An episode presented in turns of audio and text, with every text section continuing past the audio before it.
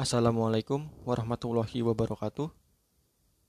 Saya Diva Nuresa dengan NIM 210 1474 dari kelompok 3 Traveloka. Di sini saya akan mereview sebuah materi yang berjudul Konsep Diri Mahasiswa yang dibawakan oleh Kak Hoirunisa Prastiti. Jadi, sebelum kita membahas apa itu konsep diri mahasiswa, kita harus mengetahui terlebih dahulu definisinya. Konsep diri merupakan persepsi individu terhadap dirinya sendiri yang dapat dipengaruhi dari lingkungannya. Jadi, konsep diri ini sifatnya bisa ber, bisa dua. Ada yang positif dan ada yang negatif. Sedangkan mahasiswa itu mempunyai peran sebagai yang pertama agen perubahan yang berfungsi sebagai penggerak yang melakukan perubahan ke arah yang lebih baik. Yang kedua, guardian of value, yaitu sebagai penjaga, pembawa, dan penyampai nilai-nilai di masyarakat. Yang ketiga, iron of stock, yaitu generasi penerus bangsa. Kemudian ada moral force, di mana mahasiswa tidak hanya mempunyai ilmu saja, tetapi juga harus mempunyai moral. Dan yang terakhir, ada social control. Alasan kenapa kita harus sadar terhadap konsep diri adalah konsep diri itu berpengaruh pada perilaku kita. Dengan konsep diri yang positif, kita cenderung menjadikan pengalaman negatif untuk mengembangkan diri, sekaligus pantang menyerah terhadap permasalahan yang kita hadapi. Kemudian ada actualizing tendency, yaitu manusia cenderung terus mengembangkan dirinya sendiri. Jadi, berpengaruh pada perilaku dan actualizing tendency ini saling mempengaruhi satu sama lain.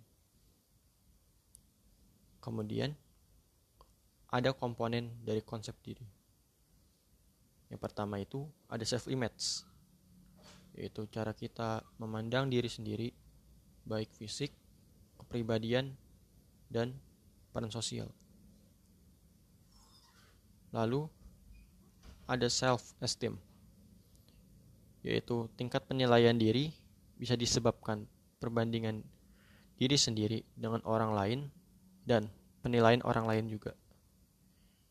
Kemudian ideal self atau bagaimana diri yang kita harapkan ini mau jadi apa kita. Cara membentuk self concept atau konsep diri yaitu kita harus mengenali value kita atau nilai diri kita ini dengan objektif.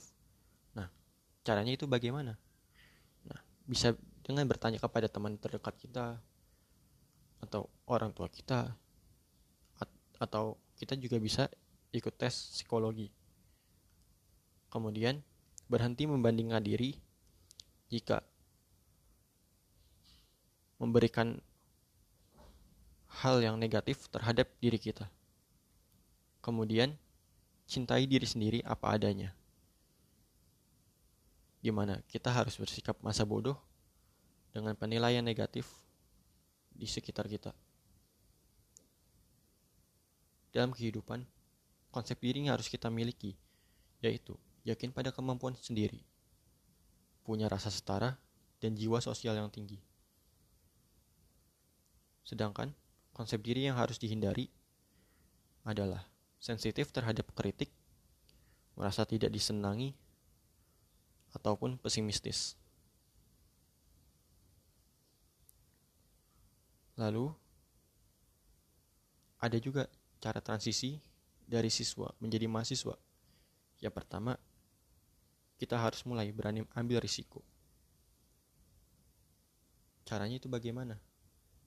Kita bisa mencari alasan untuk melakukan sesuatu.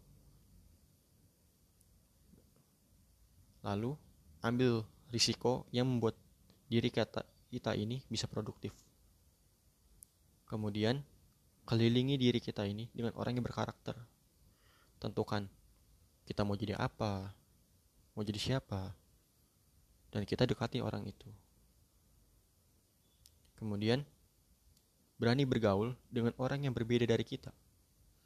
Hal itu dapat membuat kita menjadi open-minded, membuka pikiran kita bahwa kita ini berbeda, dan agar kita bisa menerima orang lain.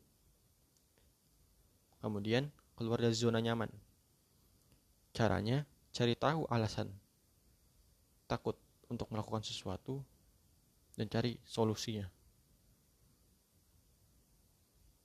Lalu, hubungan wirausaha dan konsep diri, yaitu yang ada di, yang jelaskan tadi itu berupa kreativitas tinggi, komitmen, mandiri, berani menghadapi risiko, motif berprestasi tinggi, selalu punya perspektif, punya perilaku inovatif, mencari peluang, memiliki jiwa kepemimpinan, dan kemampuan manage baik itu diri sendiri ataupun orang lain ataupun organisasi.